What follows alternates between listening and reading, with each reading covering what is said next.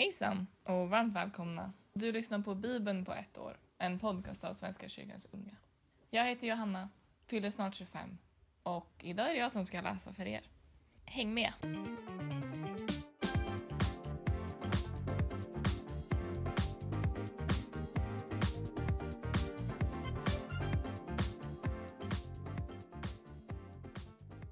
Vi ber. Gud, tack för ännu en dag. Tack för möjligheten att få läsa Bibeln och umgås så här över länk, eller vad man ska kalla det. Tack för liksom digitala möjligheter att få läsa Bibeln tillsammans. Jag ber att vi ska få känna oss nära och i gemenskap med varandra. Genom tekniken. Tack för teknik. För att du är med inför dagens läsning. I Jesu namn. Amen.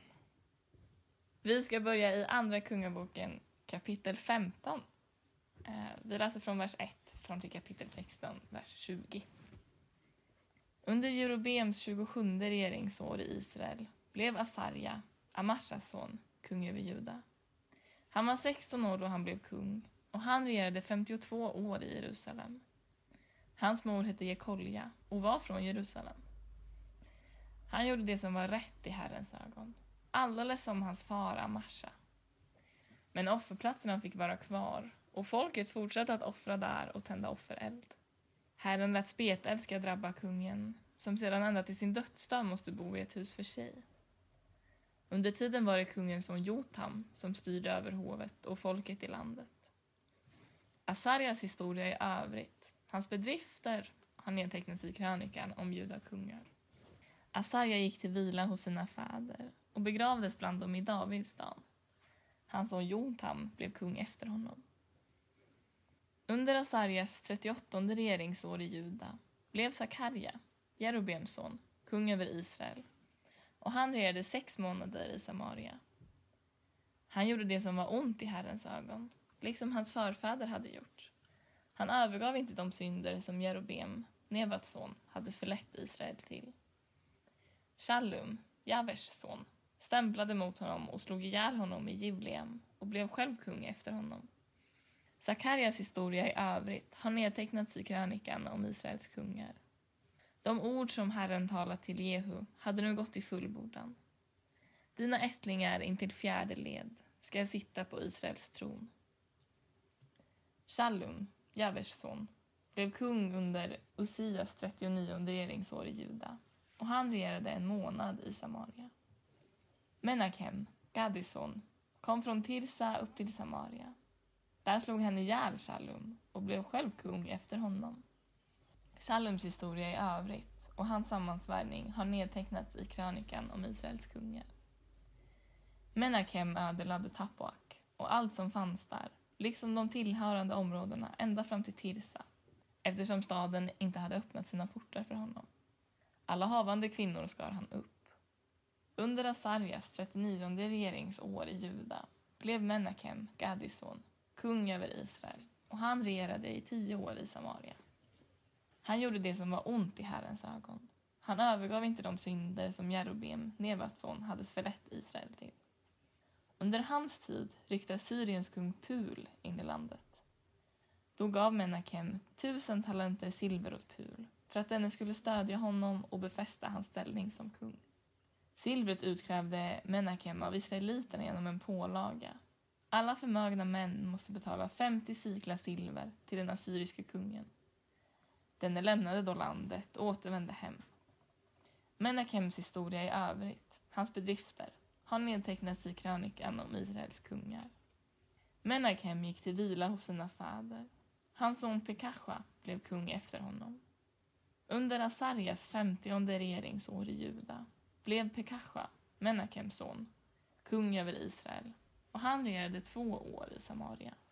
Han gjorde det som var ont i Herrens ögon. Han övergav inte de synder som Jerobem, Nevats son, hade förlett Israel till. Hans adjutant Pekach, Remalias son, ledde en sammansvärjning mot honom och slog ihjäl honom i Samaria, i kungapalatsets torn. Han hade med sig 50 man från Gilead. När han hade dödat Pekasha blev han själv kung efter honom. Pekashas historia i övrigt, hans bedrifter, har nedtecknats i krönikan om Israels kungar.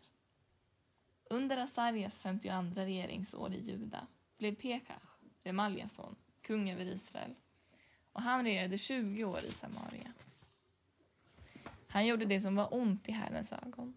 Han övergav inte de synder som Jerobeam, Nevats son, hade förlett Israel till.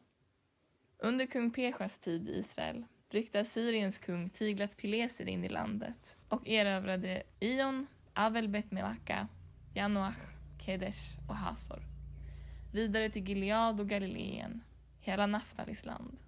Och han förde bort befolkningen till Assyrien. Hosea, Elas son, ledde en sammansvärjning mot Pechach, Remaljas son. Han slog ihjäl honom och blev själv kung efter honom under Jotams, Ussias son, tjugonde regeringsår. Pesjas historia i övrigt, hans bedrifter, har nedtecknats i krönikan om Israels kungar. Under Pesjas, Remaljas son, andra regeringsår i Israel blev Jotam, Ussias son, kung över Juda. Han var 25 år då han blev kung och han regerade 16 år i Jerusalem. Hans mor hette Jerusha, Sadoks dotter. Han gjorde det som var rätt i Herrens ögon, alldeles som hans far Ussia. Men offerplatserna fick vara kvar och folket fortsatte att offra där och tända offereld. Han byggde övre porten i Herrens hus. Jotams historia i övrigt, hans bedrifter, har nedtecknats i krönikan om judakungar. Vid den tiden släppte Herren lös kung Resin av Aram och Pechach, Ramaljas son, mot Juda. Jotam gick till vila hos sina fäder och begravdes bland dem i sin fader Davids stad. Hans son Achas blev kung efter honom. Under Pechas, Remaljas son, sjuttonde regeringsår blev Achas, Jotams son, kung över Juda. Han var 20 år då han blev kung och han regerade 16 år i Jerusalem. Han gjorde inte det som var rätt i Herrens, sin Guds ögon, så som hans fader David hade gjort, utan följde i de israelitiska kungarnas spår.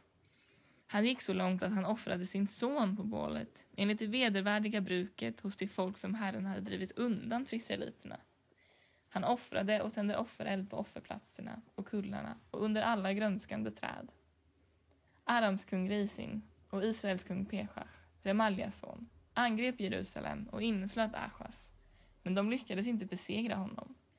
Vid denna tid vann Edoms kung tillbaka Elat åt Edom han fördrev judéerna från Elat och edoméerna kom dit och har sedan dess varit bofasta i staden. Achas skickade nu sändebud till Tiglat Pileser, kungen av Assyrien, och lät hälsa. Jag är din tjänare och son. Kom och rädda mig från kungen av Aram och kungen av Israel som angriper mig. Och Akas tog det silver och guld som fanns i Herrens hus och i kungapalatsets skattkammare och skickade det som gåva till den assyriske kungen. Denne gjorde som Achas begärde. Han tågade mot Damaskus, erövrade staden, förde bort befolkningen till Kir och lät döda Resin. När kung Achas kom till Damaskus för att möta den assyriske kungen Tiglat Pileser fick han se det altare som fanns där. Han skickade en bild och en detaljerad beskrivning av det till prästen Uria. Denne byggde ett altare efter de anvisningar som han hade fått från Damaskus och vid kung Achas återkomst var det färdigt. När kungen kom tillbaka från Damaskus och såg altaret gick han fram och steg upp till det. Så offrade han sitt brännoffer och sitt matoffer, utgöt sitt drickesoffer och stänkte blodet från gemenskapsoffret på altaret. Kopparaltaret som stod inför Herren flyttade han bort från templets framsida, där det stått mellan altaret och Herrens hus, och ställde det vid sidan av altaret, mot norr. Sen gav kung Achas följande anvisningar till prästen Uria. På det stora altaret ska du offra morgonens brännoffer och kvällens matoffer, kungens brännoffer och matoffer, brännoffret för folket i landet samt deras matoffer och dryckesoffer. Och på det altaret skall du stänka allt blod från brännoffren och slaktoffren. Men kopparaltaret skall jag använda vid teckentydning. Och prästen Uria gjorde i allt som kung Achas hade befallt honom. Kung Achas tog bort kittlarna och bröt loss listerna från stativen som de vilat på han lyfte ner havet från bronstjurarna som det stod på och satte det på ett stenfundament. Den täckta sabbatsgången som man byggt i templet och kungens yttre ingång där ändrade han på av hänsyn till den assyriske kungen. Achas historia i övrigt, hans bedrifter, har nedtecknats i krönikan om judakungar. Achas gick till vila hos sina fäder och begravdes bland dem i Davids stad. Hans son Hiskia blev kung efter honom. Då läser vi från Apostlagärningarna kapitel 19 och vi befinner oss i vers 13. Några kringvandrande judiska andeutdrivare tog sig också för att uttala Herren Jesu namn över sådana som hade onda andar. De sa, jag besvär er vid den Jesus som Paulus förkunnar. Så gjorde sju söner till en viss Geoas, en judisk överstepräst. Men den onda anden svarade dem, Jesus känner jag till och vem Paulus är vet jag, men vilka är ni? Och mannen som hade den onda anden i sig for på dem, övermannade dem alla och tillbygade dem så illa att de måste fly ut ur huset, nakna och blodiga. Detta blev känt i hela Efesos bland både judar och greker, och alla greps av fruktan, och Herren Jesu namn blev ärat. Många som hade blivit troende kom och bekände öppet vad de hade ägnat sig åt, och åtskilliga av dem som bedrivit trolldom samlade ihop sina böcker och brände dem offentligt. Man beräknade deras värde och kom fram till 50 000 silverdrachmer. Så fick ordet genom Herrens kraft ökad framgång och styrka. Efter alla dessa händelser bestämde sig Paulus för att över Makedonien och Aschia föra till Jerusalem. Och sedan jag varit där måste jag också besöka Rom, sa han. Emellertid sände han två av sina medhjälpare, Timoteus och Erastos, till Makedonien och stannade själv kvar en tid i Asien. Men just vid den tiden blev det ett allvarligt upplopp med anledning av vägen. En silversmed som hette Demetrios tillverkade Artemistempel av silver och skaffade därför hantverkarna avsevärda inkomster. Nu kallade han samman dem och andra som hade samma slags sysselsättning och sa Ni vet att vi har den här verksamheten att tacka för vårt välstånd. Men nu både ser och hör ni att den där Paulus har fått en mängd människor att ändra sig. Inte bara här i Efesos, utan nästan hela Asien. När han säger att gudar som vi gör med våra händer inte är några gudar. Det är inte bara vårt hantverk som riskerar att få dåligt rykte. Vi kan också befara att vår höga gudinna Artemis tempel mister sitt anseende och att hon själv blir berövad sin storhet. Hon som hela Asien, ja hela världen dyrkar. Vid dessa ord blev de ursinniga och började ropa Stor är den efeiska Artemis! Hela stan råkade i uppror och från alla håll rusade folk till teatern.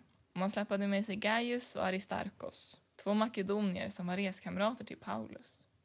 Paulus ville då gå in och tala till folket, men hindrades av lärjungarna. Några i provinsrådet som var hans vänner skickade också bud i honom att inte visa sig i teatern. Där ropade alla i mun på varandra. Mötet var förvirrat och de flesta visste inte varför de hade kommit dit.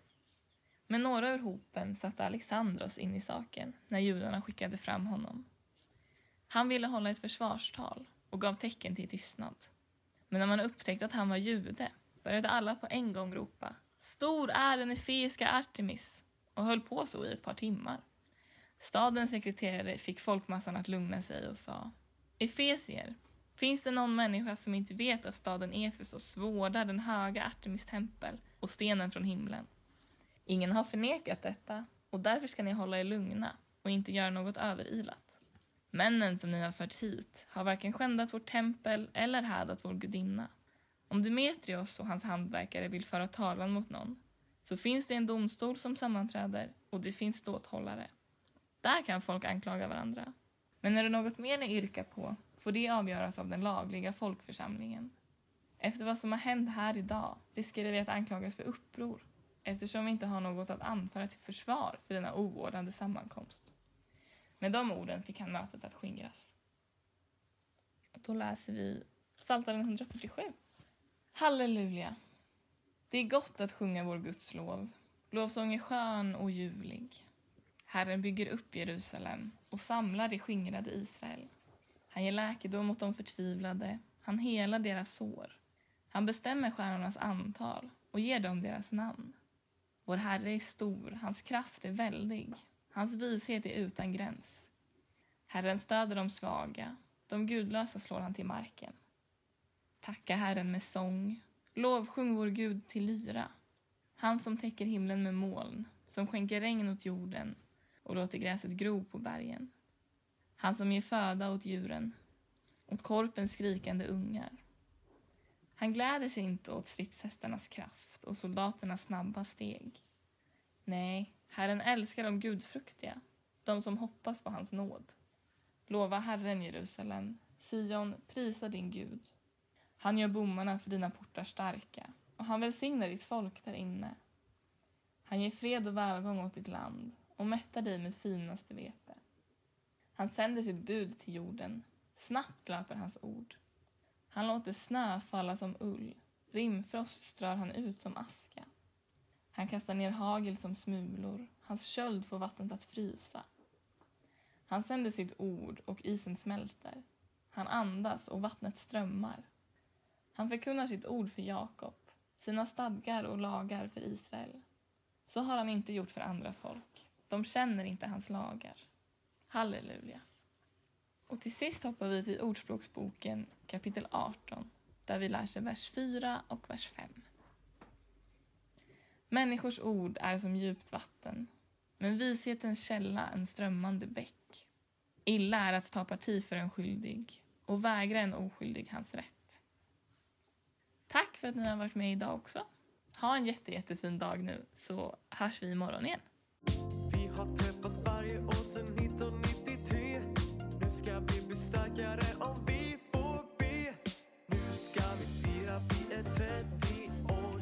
stuga och samlas för att sjunga. Nu ska vi fira, tiden har varit svår.